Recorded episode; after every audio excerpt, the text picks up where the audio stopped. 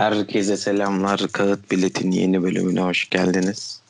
Bugün her zamanki gibi Özcan Gülgün'le beraberiz. Özcan'cığım hoş geldin. Nasılsın? İyi Apo. İyi olmaya çalışıyoruz işte. Sen nasılsın? Nasıl gidiyor hayat?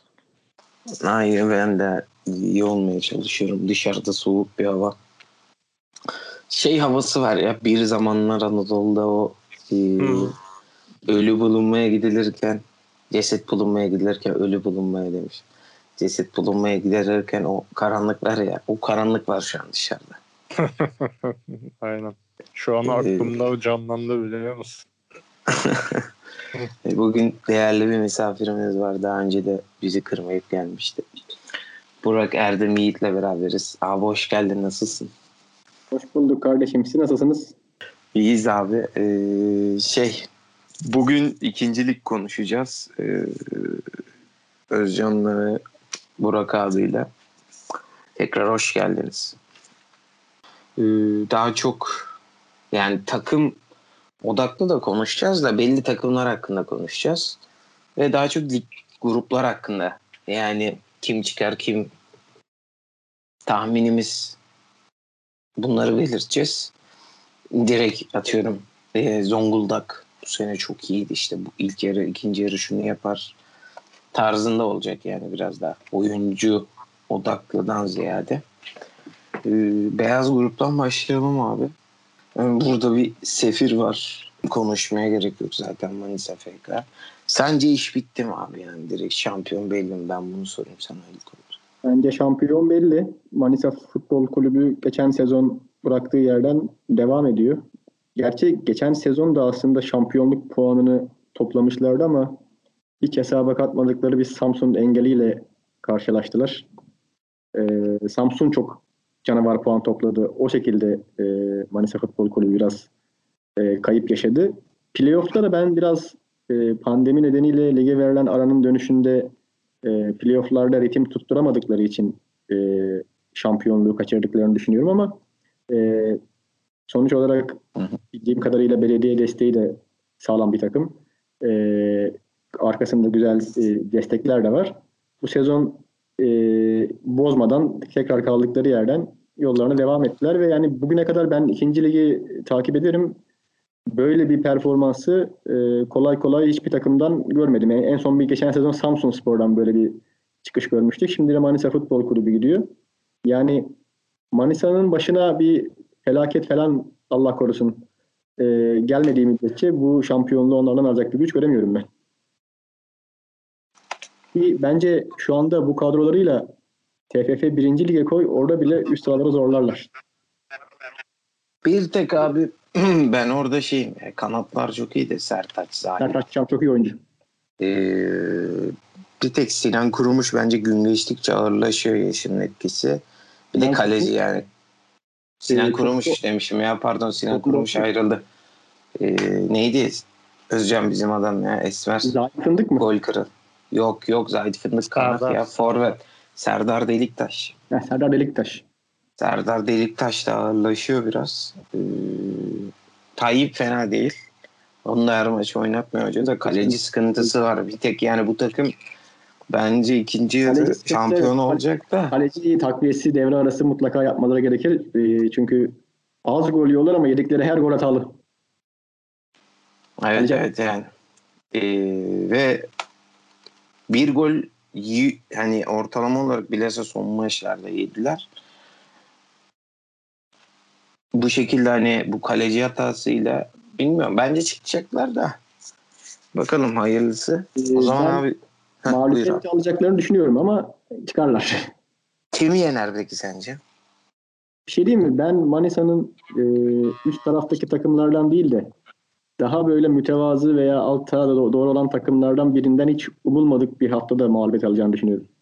O zaman buran buran bir Niğde Anadolu diyorsun. Yani Niğde Anadolu o kadar e, o kadar olur mu bilmem de yani daha böyle Kahramanmaraş deplasmanı gibi işte ne bileyim Ankara Demir tarzı gibi bir takımdan mağlubiyet alacaklarını düşünüyorum.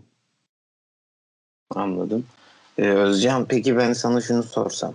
Sence ikinci yarı Manisa FK ne yapar? Yani kısaca bir özetlemek.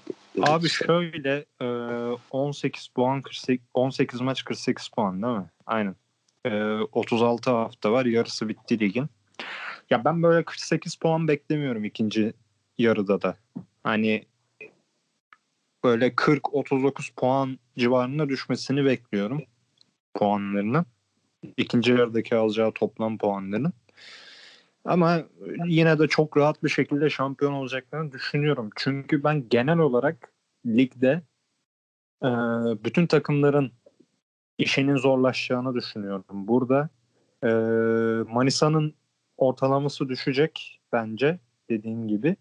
Fakat diğer takımların da düşecek. O yüzden hani böyle 3-4 hafta kala bir rahat bir garantilenmiş bir şampiyonluk bekliyorum Manisa'dan. Ee, öyle yani mağlubiyet konusunda da hani e, nasıl diyeyim? Ya ben biraz Burak'a Burak'tan biraz ayrı düşünüyorum. Hani alt takım hani Maraş tarzı değil de direkt hani ismi büyük bir takımdan işte Kocaeli deplasmanında direkt galip mağlubiyet bekliyorum mesela. Hani o tarz bir şey olabilir. Bir de e, rehavete kapıldıktan sonra artık şampiyonluk garantilendikten sonra bir mağlubiyet daha gelebilir ama onun dışında namağlup hani ligin hep 10 puan 12 puan önünde götürmelerini bekliyorum. Bir de şöyle bir şey var. E, Manisa Futbol Kulübü e, şampiyonluğu 3-4 hafta kala yani haftalar öncesinden garantilemeye gibi bir durum olursa bu ligde henüz Hı. yarışı ve düşme yarışı da devam ediyor ve oraya da çok ciddi etkisi olur bunun. Yani Manisa ile şampiyonluğu garantilemeden önce oynayanla sonra oynayan arasında bir Tabii Ee, tabii. puan şey de olabilir. Mesela Sarıyer haftalarda Evet, evet. Evet Sarıyer aynen. Sarıyer son yok ondan bir önceki son hafta. haftalarda mesela yok abi ilk hafta Sarıyer. Sarıyer Manisa maçı Ee, sonunda. yok pardon ben yanlış bakmışım bir saniye. Çünkü daha yeni oynadı Manisa ile Sarıyer. Aha evet Sarıyer son- son hafta Sarıyer deplasmanı var. Direkt mesela garantilerlerse direkt mağlubiyet yazarım Manisa için bu Bir de. Sarıyer'in de playoff için kazanmak zorunda olacağı maç olursa direkt mağlubiyet. Ya ben Aynen. e, Manisa FK'nın kadrosu geniş ya. Hala da transferler yapılıyor. E, ben o kontrat almanın hevesinde pek oynamayan oyuncuların gelecek sezonda.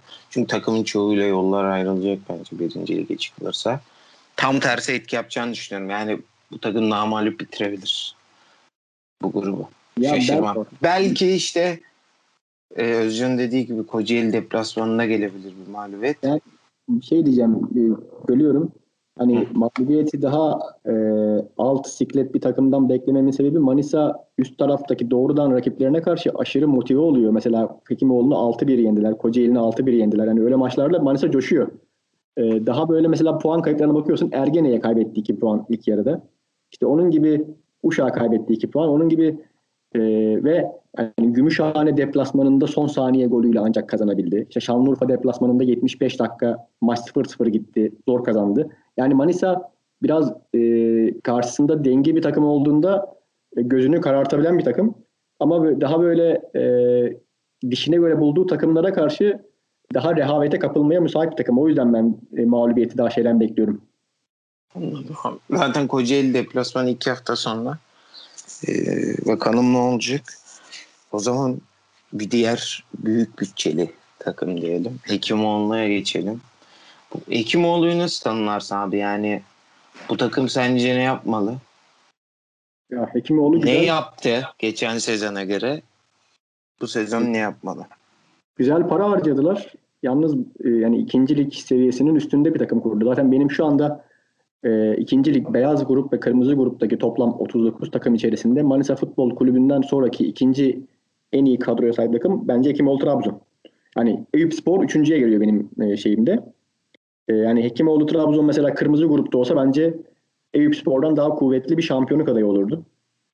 E, Hekimoğlu bir de yani kadrosu şey yani e, Süper Lig tecrübesi olan Burhan Eşer gibi, Batuhan Karadeniz gibi oyuncular da var.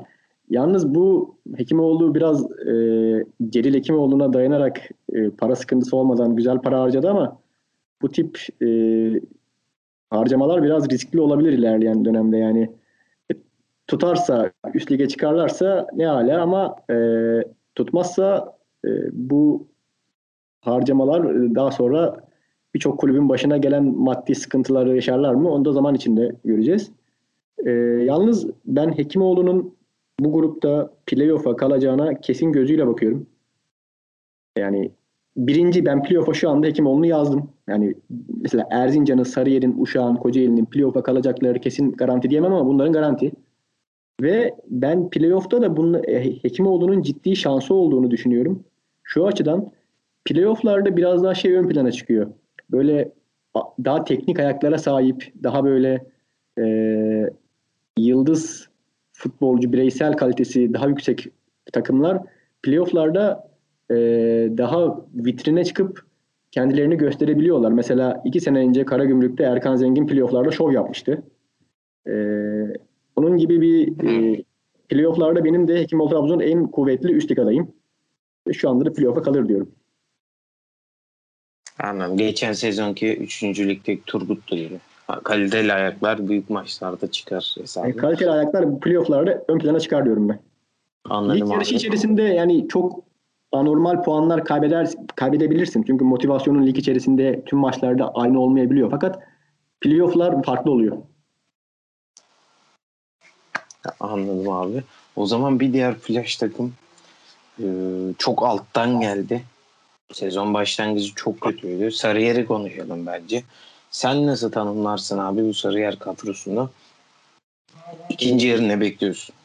Sarıyer 2004 Avrupa şampiyonu Yunanistan gibi. Ee, sabırlı, sakin, kontrollü oynayarak sonuca gidiyor ve defansif başarıları çok e, ön plana çıkıyor. Yani sadece 7 gol yediler galiba. Yani zannedersem. E, Türkiye ligleri için bu gol yeme oranı inanılmaz bir oran. Yani inanılmaz bir rakam. E, Sarıyer yalnız bence devre arasında ofansif gücünü arttırıcı takviyeye ihtiyacı var. Çünkü üretme anlamında çok sıkıntı yaşıyor Sarıyer. Yani maçları genelde böyle sabırlı oynayarak, rakibin hatasını kollayarak bir gol sıkıştırıp 1-0, 2-0 falan tarzında götürüyorlar. Az gol yiyorlar ama e, bu tek yönlü oyunu biraz daha dengelemeleri için biraz daha e, gole dönük ayak almaları gerekiyor. Şu anda orada bir tane Bertul Kocabaş çok beğendiğim bir oyuncudur. Ee, o çok fark yaratıyor. Ee, Ömer Bozan'ı Çorum'a gönderdiler. Ee, ilk yarı ben aslında Ömer Bozan'ın güzel katkı verdiğini düşünüyorum. Niye öyle bir şey yaptılar bilmiyorum. Ee, yani Sarıyer playoff'un şu an benim için kuvvetli adaylarından birisi. Fakat dediğim gibi e, biraz daha hucuma yönelik de takviyeye ihtiyaçları olduğunu düşünüyorum. Zaten Sarıyer e, yıllardan beri e, hep ikinci ligde şeyi zorluyor. Yani playoff'lara playoff oynuyor, playoff'ları zorluyor. Yani kulübün bu açıdan bir e, tecrübesi var.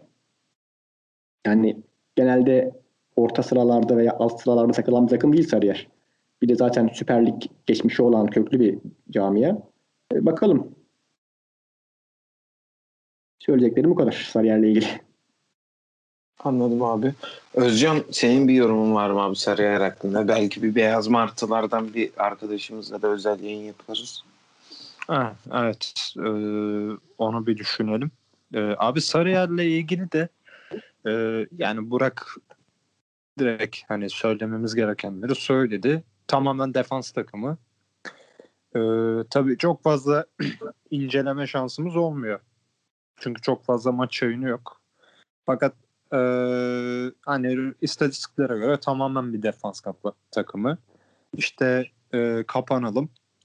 Duran toptan atarız. Kontradan bir tane buluruz. Rakip hatasıyla bir tane buluruz takımı. Yalnız abi Ömer Bozan'ın gittiğini ben bilmiyordum. Ee, eğer gerçekten bu yapıldıysa bence çok büyük bir saçmalık.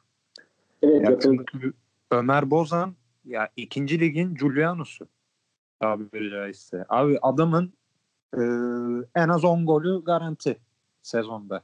Bir sezonda. Bu ligde. Yani geçen sene Mamak'ta 12 gol atmıştı.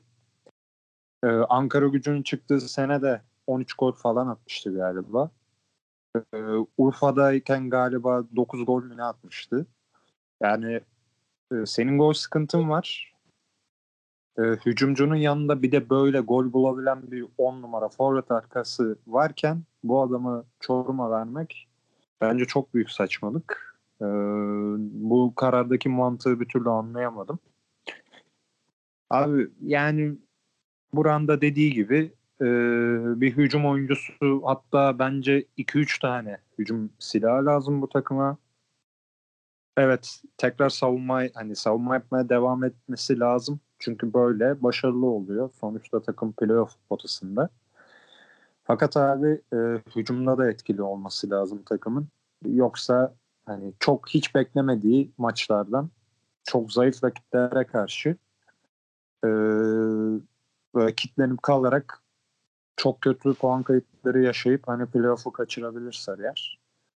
E, ama onun dışında Zaten bir de- kısır bir takım. Yani Evet, dediğin gibi. bir takım. Böyle Yani- bir oyuncuyu yollamak Ama abi e, bu defansif performans playoff'a kalırlarsa bunu devam ettirirlerse bence hani playoff için hani belki finalde maç kazandırmaz ama yani en azından şansını devam ettirir öyle söyleyeyim. Yani Buran dediği gibi playoff'larda ekstra özel yeteneklere ihtiyaç var. Liderlere ihtiyaç var. Fakat e, defansif performansta da hani turnuva şeklinde olduğu için playoff'lar bu şekilde de bir yere kadar götürebiliyorsun şansını. O ondan sonra bir noktadan sonra özel yetenekler devreye giriyor. Sarıyer'e bu özel yeteneklerden lazım. Eğer bu takviyeleri yaparlarsa şansları olabilir. Öyle düşünüyorum. Bir de Sarıyer'le ilgili son bir şey daha söyleyeyim. E, ligin ilk yarısında 19 maç mı ne yaptılar ve bu maçların 12-13 tanesinin ben tek tek inceledim. İlk yarıları 0-0 bitmiş. Bu da iddiacılara bitiyor. Şey, e, Tolunay Kafkas şekli. Yani o, o, o maç 0-0 bitiyordu galiba. Onun. Onun da yok yok yarı ilk yarı sıfır aynı. İlk yarı sıfır. Sarıyer de öyle 12-13 maça ilk yarı 0-0 bitmiş. Ee, abi peki o zaman bir diğer plaj iki takım bence inceleyelim burada. İlk olarak Uşak'tan başlayalım. Ee, sezon başından beri yaşanan ekonomik sıkıntılar, tribünün bir hedefi var, bir isteği var, yönetimin bir isteği var, hoca geldi gitti bir şeyler oldu. Sen nasıl tanımlarsın abi? Yani sen ne gördün dışarıdan biri olarak Uşak'ta?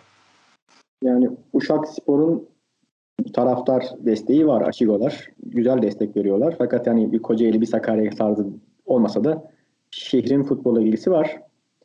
Ee, geçtiğimiz sezonların aksine zaten bu sezon başında e, Uşak bir e, kadro yapılanmasına gitti. Güzel isimler ve kadrosunu zenginleştirdi. Ve yani playoff hedefiyle sezon içerisinde oynayacağı sezon başında bütün otoritelerce zaten beklenen bir şeydi.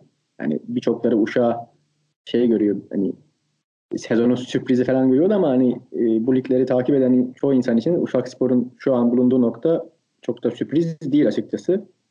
Yalnız Uşak biraz e, şöyle diyeyim güven vermiyor. Şöyle güven vermiyor. Şimdi bu bölümde bir Sarıyer'den bahsettik az evvel. Sarıyer'in ilk yarı performansına baktığımda hiç gereksiz puan kaybı yok. Yani e, gereksiz puan kaybından kastım şu. İç sahada kendinden zayıf rakipleri veya iç saha dış saha fark etmez. Kendinden zayıf rakipleri yen işte deplasmandaki zor maçlardan da bir puan çıkar. Ve bu dengeyi çok iyi tutturmuş Sarıyer. Ama Uşak Spor'a bakıyorsun bazen gidiyor Hacettepe'ye puan verebiliyor. İşte kendi evinde Şanlıurfa gibi, Zonguldak, Kömürspor gibi, Niğde gibi rakiplere karşı çok zorlanarak kazandılar ve goller yediler kallerinde. Ee, yani Uşak her an böyle e, hiçbir maçı için kesin kazanır garanti diyemiyorsun. Öyle her an patlayacak gibi duruyorlar. Ee, bir de maddi sıkıntı var tabii ama maddi sıkıntıyı sanırım aştılar. Ee, yani kadroyu devre arası korurlarsa bile sezon sonuna kadar potada olurlar diyorum ben. Yani takviye yapmasalar bile e, playoff'un önemli adayı olur. Ya bu takımın da gol atma sıkıntısı vardı. Yine biraz çözüldü. Uşağın o kadar değil ya. Uşağın gol yeme sıkıntısı var bence. Ama Manisa maçı ya Manisa maçı zaten 6 bitmedi mi? 6 değil Yok, o 1 bir- 1 1 bitti. 1-1 pardon pardon 2 mi oldu karıştırdım. İlk yarıda Manisa'dan puan alabilen ender takımlardan biri oldular. Evet evet işte o maç öncesi sosyal medya çok karışıktı ya Twitter'da ben hatırlıyorum. Hocayı bir yanda yollayan tayfa. Bir tayfa diyor ki oğlum Manisa maçı öncesi hoca yollanır falan. Abi o zaman tartışmasız e, bu grubun en fazla konuşulan takımı diyebiliriz. İyi oyunuyla, kötü oyunuyla, sürpriz galibiyeti, mağlubiyetleriyle Kocaeli. E, ne düşünüyorsun? Sezona bir de Ekimoğlu'yla başlıyorlar. Bu hafta içi biliyorsun. Bu maçtan ne bekliyorsun? Maç zaten çok büyük de. Kocaeli artık zincirlerini kıracak mı sence? Ee, Kocaeli'nin çok konuşulması normal çünkü taraftar yönünden e, bu grubun en sağlam takımı. Kocaeli'nin geçmişi de malum, mazisi de olan, kökü de olan bir takım. Ee, yani takip edeni, ilgileneni çok diğer takımlar gibi değil Kocaeli Spor. Ee, Kocaeli Spor tarzı takımlarda e, ben şöyle bir sıkıntının olduğunu düşünüyorum. Şehir baskısı, taraftar baskısı ve camia baskısı diğer takımlara göre daha fazla oluyor. Hani olumsuz bir sonuçta e, şehre döndüklerinde veya şehirde çok ciddi tepkilerle, reaksiyonlarla karşılaşıyorlar. E, bu da e, küçük çaplı kaoslara yol açıyor ve e, kulüp içerisinde yönetici olsun, teknik direktör olsun, futbolcu olsun e, kafa rahat hareket edemiyor. Biraz tepede demokrasinin kılıcı gibi sallanan baskılar oluyor. İşte bu Sakarya Spor'da da var. Ama mesela şimdi Uşak Spor onların da bir taraftar desteği var ama orada kafa rahat biraz. Yani çok büyük baskıyla karşılaşmıyorlar. Ee, Kocaeli Spor'da bu çok daha derinden hissediliyor. Kocaeli bir de kontra atak takımı. Yani iyi bir takım fakat biraz daha rakibin boş alanlar bırakan rakiplere karşı başarılı olmaya potansiyeli olan bir takım Kocaeli Spor. Özellikle Ben Benhur Keser e, hızıyla burada çok önemli işler yapıyor. E, Yiğit Ali Bayrak gibi bir silahları var. Batuhan Ergi Forvet'te güzel işler yapıyor. E, fakat işte Kocaeli Spor e, biraz özgüvenli bir takım havası vermiyor. Yani e, her maça favori çıkmıyor ve ayağı yere basan bir takım değil. E, her maçı bıçak sırtı gidiyor Kocaeli'nin. Ben playoff'taki yerlerini garanti görmüyorum. E, hatta şu anda e, ben mevcut Oo. kadrolarla Kocaeli'nin playoff'a kalma ihtimalini kalmama, kalmama ihtimalini daha yüksek görüyorum. Şu anki kadrolarla ama. Şu an devre arasındayız. Ee, Kocaeli Spor'la ilgili söyleyeceklerim bu kadar diyeyim. O zaman Aa. topu size atayım. Özcan ben sana sorayım abi. Var mı bir yorum? Yoksa özel bölümde daha analizi konuşur muyuz? Daha içinden değil daha doğrusu. Çünkü takım çok karışık ya. Covid'ler, Ya olaylar, zemin. özel özel bölümde biraz Kocaeli'nin yakın geçmişini konuşacağız. Hani o yüzden şu anda hani bu seneki durum hakkında ya bildiklerim şunlar hani genel olarak Kocaeli ile alakalı şunları söyleyebilirim. Ee, öncelikle yönetim kısmında büyük karışıklık var. Büyük sıkıntılar var. Başkan Ee, gitti geldi. Başkan gitti geldi hastaydı şu an hasta galiba tam bilmiyorum.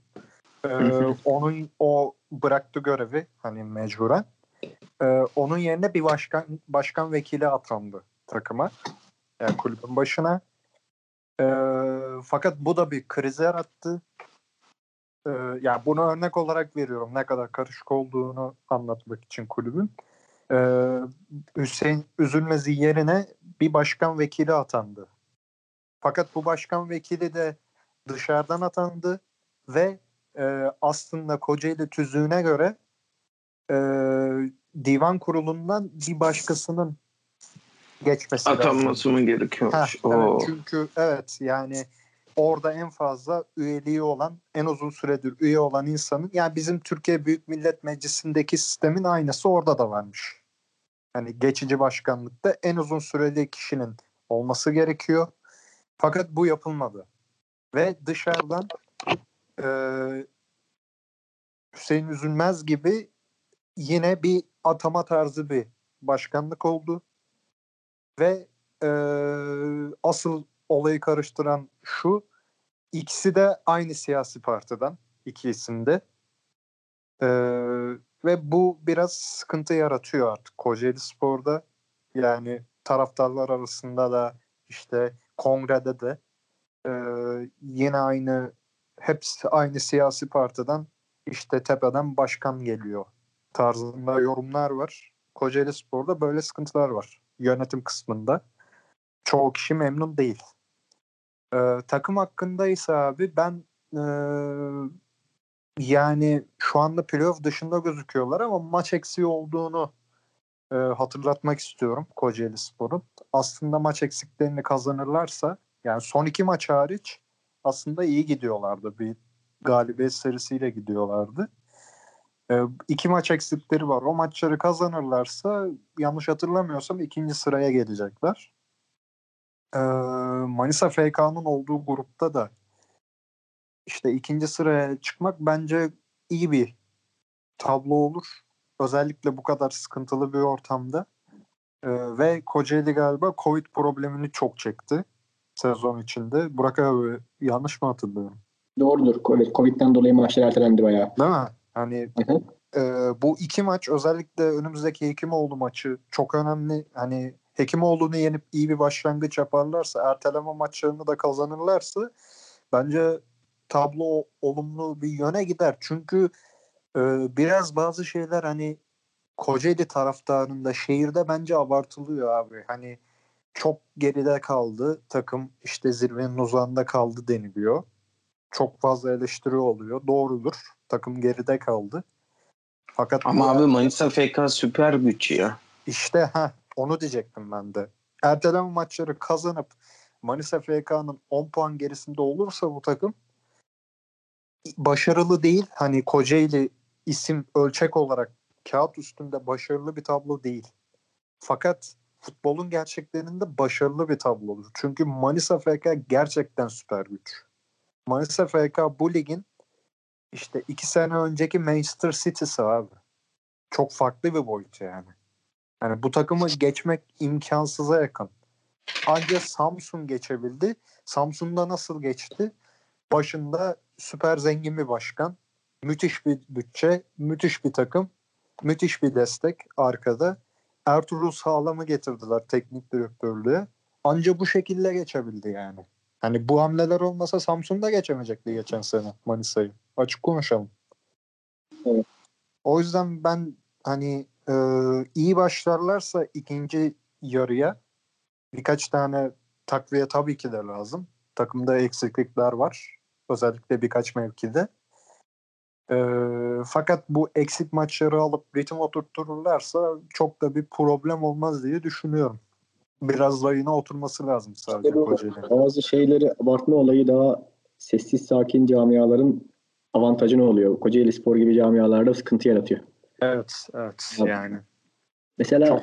Hı hı. şöyle diyeyim mesela Türk futbol taraftarları farklı mağlubiyet olgusunu biraz fazla abartıyorlar. Çünkü 1-0'da kaybettiğinde 3 puan kaybediyorsun. 5-0'da kaybettiğinde 3 puan kaybediyorsun. Ama hezimet olduğunda e, reaksiyonlar çok yıkıcı olabiliyor. Mesela sezon başında Manisa'ya 6-1 yenildi Kocaeli Spor. Ortalık karıştı.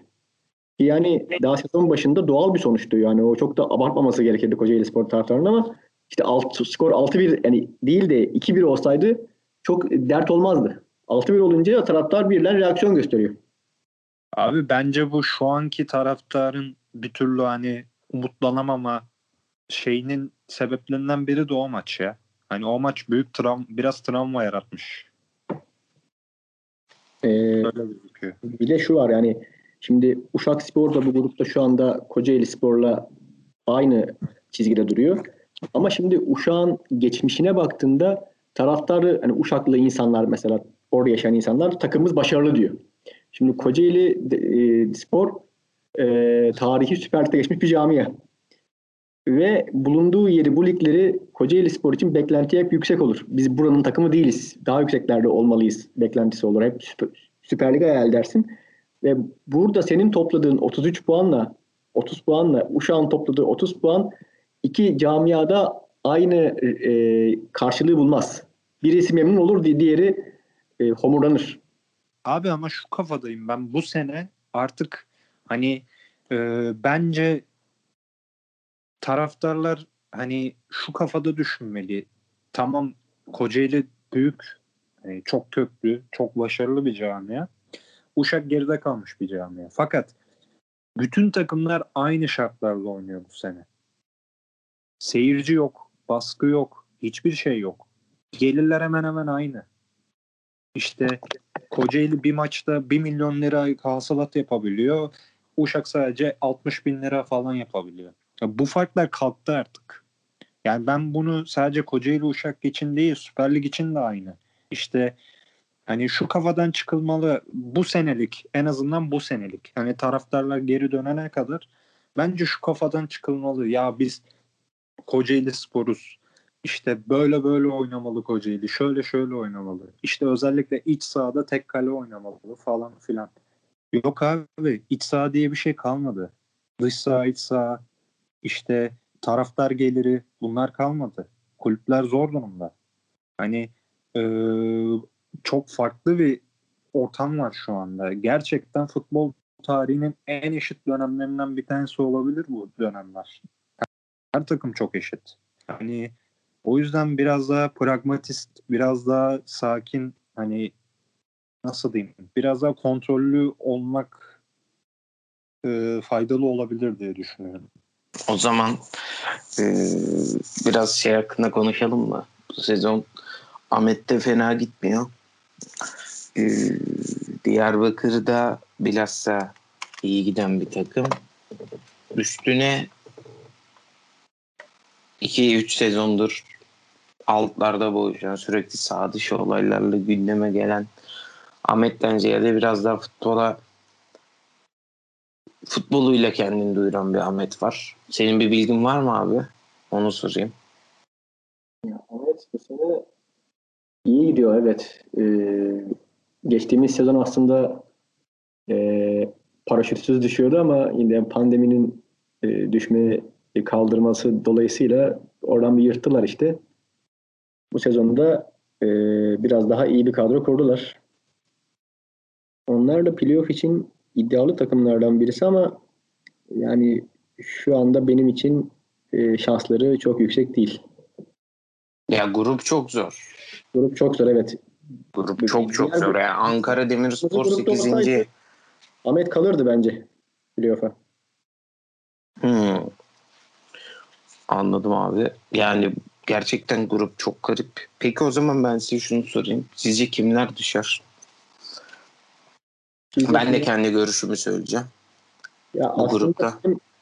e, sezon başı düşme e, adaydım 3 taneydi. Şanlıurfa, Gümüşhane ve Niğde Anadolu'ydu. Fakat daha sonra Niğde Anadolu'nun e, abartıldığı kadar da kek bir takım olmadığını gördük haftalar içerisinde. Onlar e, güzel direnç gösterdiler ve çok sürpriz puanlar aldılar Kocaeli Spor'dan, Ahmet Spor'dan ve son olarak e, Hekimoğlu deplasmanında e, çok sansasyonel bir galibiyet aldılar 2-0'dan 3-2. E, Hacettepe çok cılız geliyor bana düşme konusunda ama şimdi grupta şöyle de bir realite var. E, İstanbul takımlarından biri olan Sancaktepe Futbol Kulübü şu an 21 puanda ama bundan sonraki süreçte yani teknik direktör ve sportif direktör gitti ve takım da maçlara tıpkı geçtiğimiz sezonki Şanlıurfa Spor gibi e, 18 yaşında çocuklarla amatör kadroyla çıkacaklar. Yani neredeyse amatör küme seviyesinde bir kadroyla maçlarını oynayacaklar ve böyle bir kadroyla ligin geri kalanındaki sezon sonuna kadar ki bütün maçlarını kaybetme gibi bir riskleri de var. Bu düşme hattı için ek bir kontenjan açılması anlamına gelebilir. Ee, hani henüz net bir şey söyleyemeyiz fakat Sancaktepe eğer ligin son düzlüğüne de e, kadar puanını arttıramazsa o da bir düşme adayı benim için. Zaten kadro dağıldı abi dediğin gibi. Kadro dağıldı. Özcan sen... Şu anda ligin en kötü kadrosu. Yani Şanlıurfa falan yener Sancaktepe'yi. Abi Şanlıurfa biraz bana geçen seneki yani Ankara gücü gibi geliyor. Hani veya Kayseri Spor. Hani böyle onlar da kadroyu yaptı yeni oyuncular aldı. Bu sene de galiba Şanlıurfa devre arası yapacak aynı hamleleri. Hı hı. Ee, fakat yetmemişti. Yani Şanlıurfa tabii ki de bir yükselişe geçer yeni futbolcularla ama ben yeteceğini Puan mı çok az diyorsun? 4 Puan çok az abi. 4 puan yani. Hani senin en az böyle 26-27 puan alman lazım. Çok zor bence. 20 maçta. Yani 20 maçta 27-28 puan yani e, zor. Ben zor olduğunu düşünüyorum. E, ki o bile yetmeyebilir. Çünkü 38 maç var. Belki de 35-36 puan gerekecek ligde kalmak için. O yüzden biraz zor görüyorum. E, Hacettepe'yi açıkçası bilmiyorum. Hatta bu ligde en az bilgimin olduğu takım olabilir Hacettepe. E, bir yorum yapamayacağım o yüzden.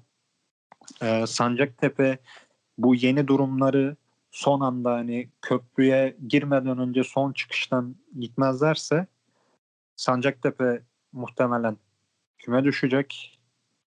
Ee, bir anda takım dağıldı.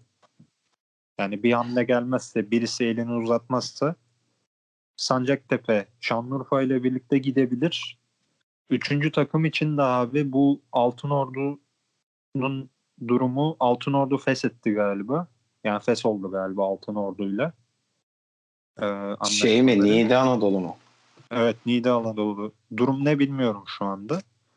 Onu bir araştırayım ben. Ya mesela şöyle bir şey olursa atıyorum Altınordu'yla ayrıldığı yolları Niğde Anadolu'nun. Ee, Niğde Belediyesi tekrardan kulübe el attı. Transferler yaptı. Niğde çok rahat ligde kalır. Fakat bu umursamazlıkla devam ederse Niğde Anadolu son haftaya kadar evet hani düşmeme savaşında olur ama bir anda tak diye küme de düşebilir. Çünkü geçen sene küme düşüyordu. Yine onlar da pandeminin sayesinde düşmekten kurtuldular. Ee, vallahi abi yani Urfa'yla Sancaktepe bence düşer. Ee, fakat üçüncü takım için yani 3-4 tane aday var ya. Hani orası bayağı şey yapacak. Orası biraz garip. Hani hiçbir şey söyleyemiyorum orasıyla alakalı. Abi ben de o zaman tahminimi yapayım. Özcan aslında yazın e, Altınordu'nun satışıyla alakalı bir e, durum olmuş. Altınordu demişim Niğde FK'nın. Ama bir alıcı çıkmamış. Zaten e, geçen bahsettiğimiz gibi Altınordu yine bir pilot takım arıyor kendine. Ben de o zaman e, oraya Sancaktepe'yi koyuyorum. Daha 20 maçı var çünkü. Hatta 22 maçı var. Pardon 20 maçı var. Oynayacağı 21 puanın yeteceğini düşünmüyorum. Urfa da bence düşecek. Ve Gümüşhane diyorum ben. Ben Gümüşhane'nin de kurtarabileceğini düşünmüyorum. Ama Hacettepe düşerse şaşırmam. Yani dördüncü olarak da Hacettepe. Bu dörtlüden biri. Üçü. Hocam bir de Urfa'da şu anda hani en azından biraz çaba sarf ediyor. Trans, e, kulü- e, şehirde para toplanmış transfer falan yapıyorlar da Gümüşhane'de yok. Hani hiç Evet kurtuluş- evet. Zaten başkan Covid'di.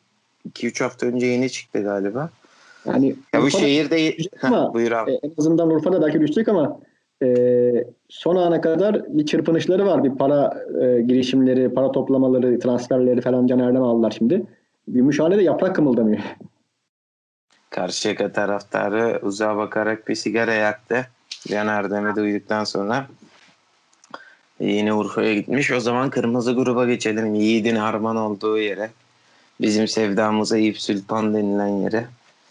Ee, Eflatun Sarılar vallahi inletti ya grubu. Ee, ne düşünüyorsun abi? En nasıl diyeyim? En komplike takım olabilir mi ikincilik tarihinin gördüğü?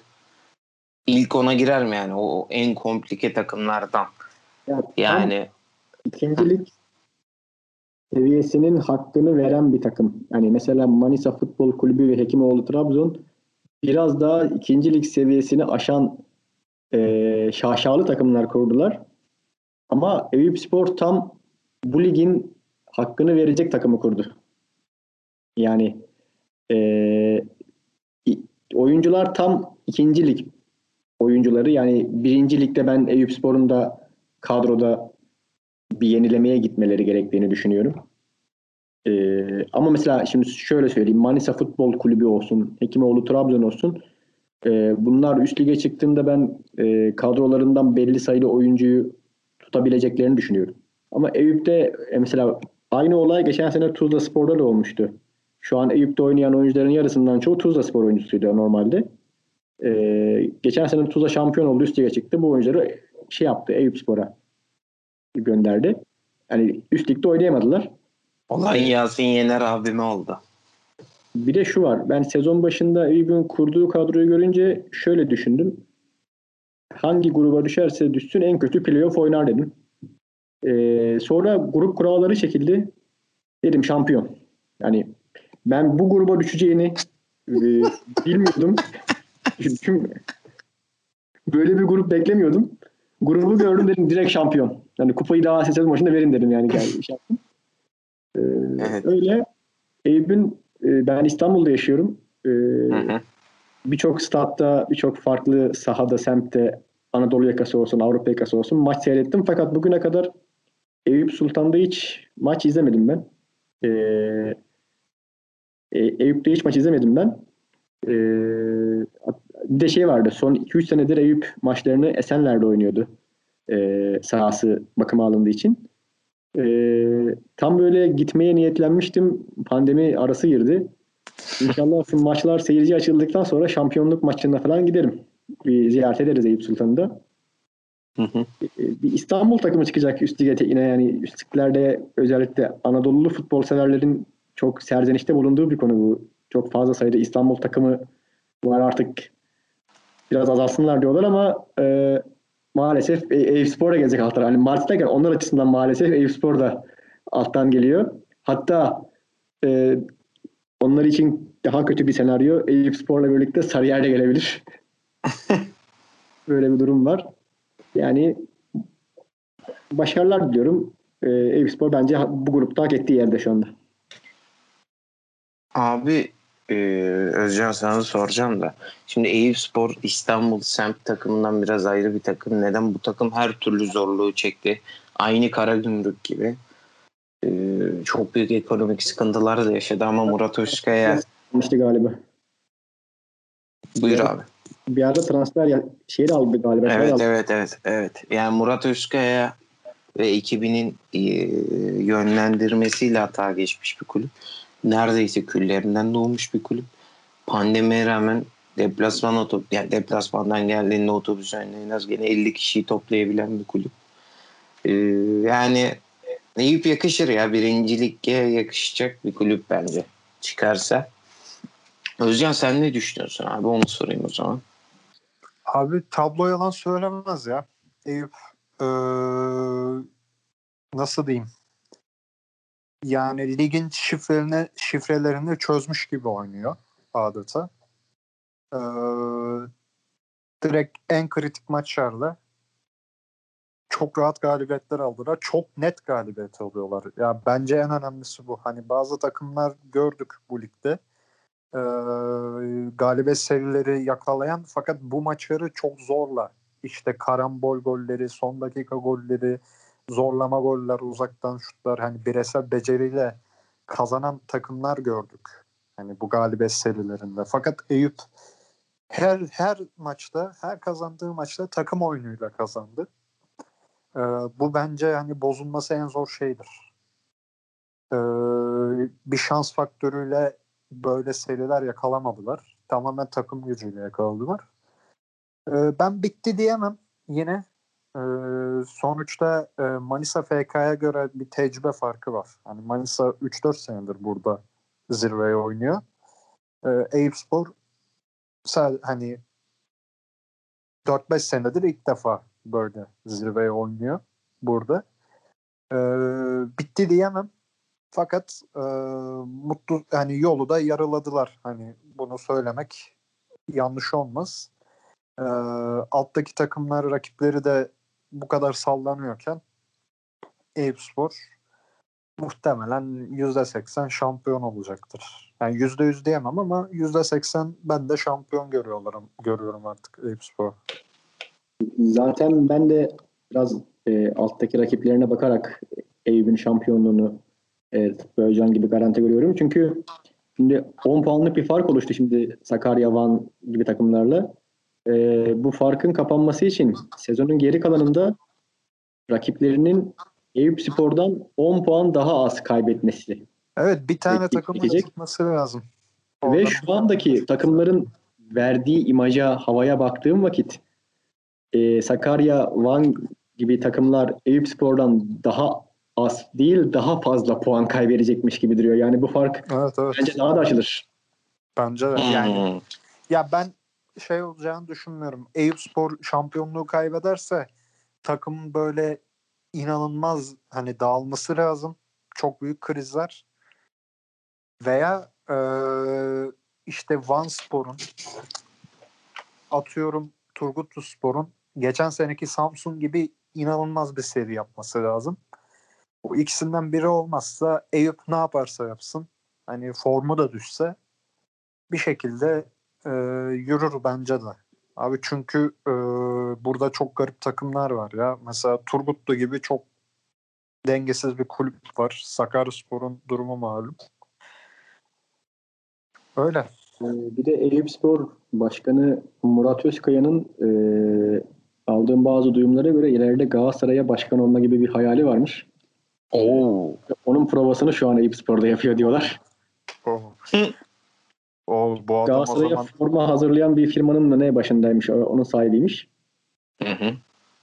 Yani böyle bir şeyler konuşuluyor yani. o zaman birincilikte de iddialı bir Eyüpspor izleriz. Para harcar. Eyüp Spor oralarda şey yapar. Öyle. Valla çok rahat gol atıyorlar. E, iyi de savunmaları var.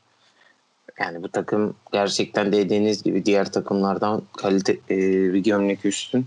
Bu fark açılabilir. O zaman abi bir diğer Evet. Ben bir şey diyeceğim bu Eyüp Hı. Spor olayıyla ilgili. Hı hı. İlgili hani gruptaki diğer takımlardan birisiyle alakalı. Şimdi İstanbul semt takımları dedik ya başarılı oluyorlar diye. Hı. Şimdi Tuzla Spor sezon başında playoff şampiyonu oldu. Kadrosundan işte Sadık Baş, Muhammed Akarslan, işte e, Yasin Yener, Doğancan Otman'dı galiba. işte Kemal Tokak. Yani bayağı bir oyuncu şey yaptı. Eyüp Spor bir 6-7 tane oyuncu transfer etti Tuzla Spor'dan ve şu an kadrosunun iskeletini bunlarla kurdu. Ee, ve aynı kadro şimdi Eyüp'ü şampiyonluğa taşıyor. Yani demek ki bu kadro bu ligi e, bu ligin işini bitirecek kadro. Şimdi e, İstanbul semt takımları arasında taraftar bazında ve yönetimsel bazda bazı kardeşlik hukukları var biliyorsunuzdur. E, şimdi Eyüp Spor'un da e, ikincilikte bir kardeşi var. Pendik Spor. Ben E, e, Pendik'le taraftar bakımından da yönetimlerde arası iyi. Acaba diyorum Hı hı. Eyüp Spor bu sene bu ekiple şampiyon olduktan sonra nasıl Tuzla Spor bu ekibi Eyüp'e yolladı, Eyüp'ü şampiyon yaptıysa Eyüp de aynı ekibi kardeşi Pendik Spor'a yollayıp önümüzdeki sezonda onların şampiyonluğunu görür müyüz? Oo. Çünkü Eyüp Spor da geçtiğimiz sezon tıpkı bu sezonki Pendik Spor'un durumundaydı. Yani küme düşme hattında bitirmişti ilk yarıyı. Sonradan toparlandılar evet evet. Ya vallahi olabilir abi ilginç. Yani bir Böyle bir veremediğim düşünce. Düşünüyorum ben yani. Çünkü artık e, bu ligdeki takım e, herkes e, şifreyi gördü. Yani bu ekip eşittir şampiyonluk. Yani bu Sadık Başlı Muhammed Akarslan'lı ekip eşittir şampiyonluk olduğunu gördü. Şimdi bu futbolcular da İstanbul'da kalmak isteyecektir ve üst ligde Eyüpspor yeni bir yapılanmaya girip yabancı futbolcu ağırlıklı bir kadro kurmak isterse bu oyuncular İstanbul'da başka bir takıma gitmek isterler ve bu da en uygun Eyüpspor'un kardeş takımı olan Pendik Spor gibi duruyor. Allah Bakalım. mantıksız değil ya. Olabilir. Pendik de eğer iyi bir yatırım yaparsa para olarak bence de hani ilk tercihleri Pendik Spor olur. Çünkü, Çünkü orada da İstanbul'da evet kalmak iyi bir paraya İstanbul'da kalmak çok cazip edici bir teklif. aynen. Bakalım. Yani İstanbul semt takımları e, bu şekilde bir omuzlamayla daha fazla çoğalabilirler diyorum ben yani. Vallahi olabilir abi. Ee, o zaman bir diğer çok konuşulan takıma geçelim. Yine özel bölüm yaparız muhtemelen ve Sakaryaspor'a geçelim. İlk yarı çok garip bir takım. Ee, neydi İsmail Hoca ile beraber uçan kaçan bir takım. Değil mi? Sezon başı öyleydi. Sezon başında da kötüydü ya. Hayır yani uçmaya kaçmaya çalışan bir takım diyelim. Aynen. E sonra Bodrum faciası bence facia değildi. Aynı Kocaeli Manisa maçı gibi. Hocayla bir yollar ayrılış. Oradan Murat Hoca'nın gelişi. Biraz daha savunmacı, kontrolcü bir oyun ki oynanması gereken oyun bu. Bu takımın ön tarafı öyle her maç 7-8 10, kil- 10 kilometre zaten zor da yani 7-8 kilometre koşacak bir ön taraf yok. Ve bugün gelinen süreçte playoff'a 2 puan var. Tabii iki maç eksik. Ee, ne düşünürsün abi? Yani bence Bayburt karşısına kazanırlar playoff'a girer de Sakarya. Ya Uğur Akkuş olayları falan çok yordu ya camı ya. Sakarya Spor'da ben bir loserlık görüyorum. Yani genel camia kültürü olarak. Sakaryalı arkadaşlar e, dinleyen varsa alınmasınlar ama Sakarya Spor'da bir loserlık var yani. Çünkü e, ben kendim bildim bilir yani bu Sakarya Spor ikinci liglere, alt liglerde her sezon başı e, şampiyonluğun en büyük favorisi olarak gösteriliyor. Geçen sezonda, ondan önceki sezonda hep Sakarya Spor'du favori gösterilen. Ama ya finalde olmuyor ya playoff'un e, ilk ayağında olmuyor. Yani bir şekilde olduramıyorlar yani ve yani çok da e, çok da yukarı çıkmak için istekli şekilde e, her sezona hazırlanıyorlar yani transferler falan her sezon yapıyorlar yani. Ama bir türlü o son adımı atamıyorlar. E, o açıdan ben hani ben, yani bir tabir vardır ya winner'lık loser'lık diye Sakaryaspor'da o yüzden birazcık e, sanki kolay kolay çıkamayacakmış gibi duruyor hiçbir zaman. E, öyle bir durumu düştüler ama hani eninde sonunda Sakaryaspor çıkacak. O kesin ama e, biraz gecikecek gibi duruyor Sakaryaspor'un çıkması. E, çünkü bir de mesela taraftarlar e, yorumlarını okuyorum diyorlar ki Karagümrük'te oynuyordu Çağrı Ortakaya. Orada döktüren adam bize geliyor tutulup kalıyor. Yani Sakaryaspor playoff'a kalır ama e, playoff'a kalır ama e, playoff'ta da sağlam rakipler var yani Hekimoğlu gibi özellikle. Yine bir playoff finali faciası olursa Sakaryaspor için e, gerçekten taraftar açısından biraz etkisi daha fazla olur, yıkıcı etkisi. Abi o zaman bir diğer takıma geçelim bence. Ee, az önce biraz ucundan da olsa bahsettik belki ama Vanspor FK'yı konuşalım diyorum. Yani bu takımda konuşulmayı hak ediyor. Ee, geçen sezon çok iyi değillerdi belki burada. ikinci ligde. Ama bu sezon gümbür gümbür gelen bir takım var ve sezon başı karışık bir kaoslu bir takımdı Batuhan Erler falan gitti. Ne düşünüyorsun abi Vanspor'la alakalı? Sporla alakalı öncelikle e, şu anki takım aynısı mı bilmiyorum ama çocukluğumun takımı diyebilirim. Çünkü 90'lı yıllarda ben çocukluğumda Van Spor e, birinci ligde yani Süper Lig'de oynayan bir takımdı. Da, gerçi daha sonra aynı e, takım mı şu andaki ta- bilmiyorum onu da yani. Bir ara Van Büyükşehir Belediyespor'du sonra Van Spor ismini aldı tekrarla. E, doğudan bir takımın yeni, Yeni bu abi. mi? Yeni takım bu abi. O sonuç olarak Değil, bizim aynen. Eski takımın ismini taşıyor. Yani Van Spor vardı bir zamanlar. Evet, evet. O takımın ismini taşıyor. Ya ben şahsen eee, ülkenin doğusunun da futbol konusunda biraz batıyla arayı kapatmasını destekleyen birisiyim. Çünkü bugün baktığında eee TFF 1. Lig'de takımların eee, TFF 1. Lig mesela eee, Ankara, İzmir, Balıkesir, eee, İstanbul grubu gibi oldu. Bölgesel bir grup oldu. İşte Süper Lig'de 6 tane İstanbul takımı var. Ee, ve doğuya bak ve genelde yani futbol e, belli ülkenin hani ortasına kadar geliyor ama ondan sonrasında doğusunda e, pek bir hareket göremiyoruz son dönemlerde özellikle. E, mesela Elazığ Spor çok zor durumda şu anda. Can çekişiyor. E, işte Ahmet Spor Diyarbakır'ı temsil ediyor ikinci ligde. Yani birçok takım yeni oldu. işte yeni Malatya oldu falan. Ee, orijinal takım da kalmadı eski nostaljik takımlardan. Yani Elazığ hariç yok abi. Elazığ hariç çok şu anda. Elazığ kaldı bir tek. Evet. Ee, şu anda yani ülkenin doğusu futbol yönünden bence çok geride kaldı. Yani biraz Van Spor gibi takımların başarılı olmasını o yüzden önemsiyorum ben. Ee, ben playoff'taki yerleri hazır diyorum. Bakalım çıkabilecekler mi? Anladım abi. Ama şampiyonluk şansları yok. Oo tabii. Yani Sakarya Spor'un. Sakarya Spor'un yine bir şans tanıyabiliriz ama Van Spor'un bu kadrosuyla bu kadar puanı toplaması bence başarılı bir e, ilk yarı geçirdiler. Anladım abi. O zaman e, Pendik hakkında bir görüşün var mı? Pendik konuşalım mı? Benim oturduğum ilçe itibariyle e, oldukça yakın bir yer Pendik. E, pandemiden önce de en fazla maçlarına gittiğim takımdı.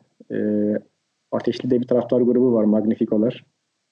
E, yalnız e, bu takım 20 yıldır TFF 2. Lig'de.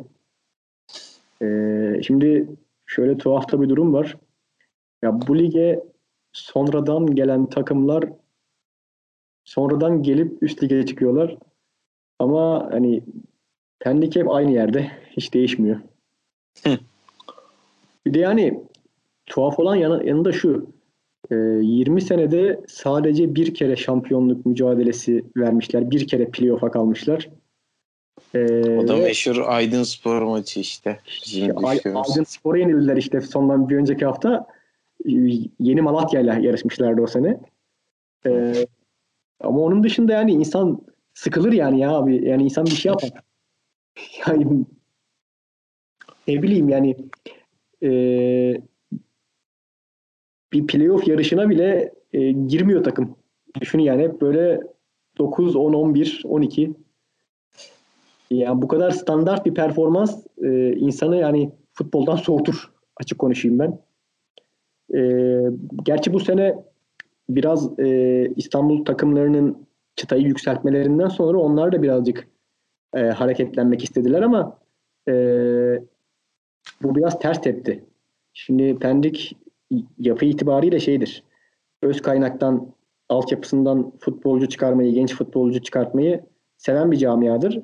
Ve genellikle de böyle şu andaki TFF 1. Lig'de oynayan Bursa Spor'un kadrosu gibi yani Bursa Spor'un kadrosu gibi değil de Bursa Spor gibi daha böyle hızlı, sprinter, dinamik adamlardan oluşan takımlarla oynamayı sever Pendik Spor. Ki Ahmet Yazar şu an Tuzla Spor'da oynuyor 1. Lig'de ve Pendik çıkışlıdır Ahmet Yazar. Ee, orada parladı bir Tuzla Spor'a transfer oldu. E, şimdi genelde böyle genç dinamik takımlarla oynayan ve göze hoş gelen futbol oynayan her sezon bir takımdır ama sonuç üretemezler tabii ki böyle takımlarla oynayınca. Sezon biraz da şey yaptılar. Yaş ortalamasını arttırıp daha böyle isimli, kariyerli futbolculara yöneldiler. Fakat bu kimya tutmadı. Hani takımın yaş ortalaması artınca hızı düştü ve o alışıldık pendik genetiğinden, kültüründen uzaklaştılar. Kimya tutmadı. Hoca tercihleri de çok saçma oldu. Sezona altyapı hocasıyla başladılar Gürkan Kocabıyık. Sonra Hüseyin Kalpar geldi. Covid oldu. Falan. Şimdi Şaban Yıldırım görevde. Ya bu sezon için ben onların ligden düşme gibi bir korku yaşayacaklarını sanmıyorum. Fakat e, playoff a, hedefiyle başladıkları sezonda bu hedeflerine ulaşamayacaklar. Artık önümüzdeki sezon Eyüp'ten bir kadro nakli olursa işler değişebilir belki.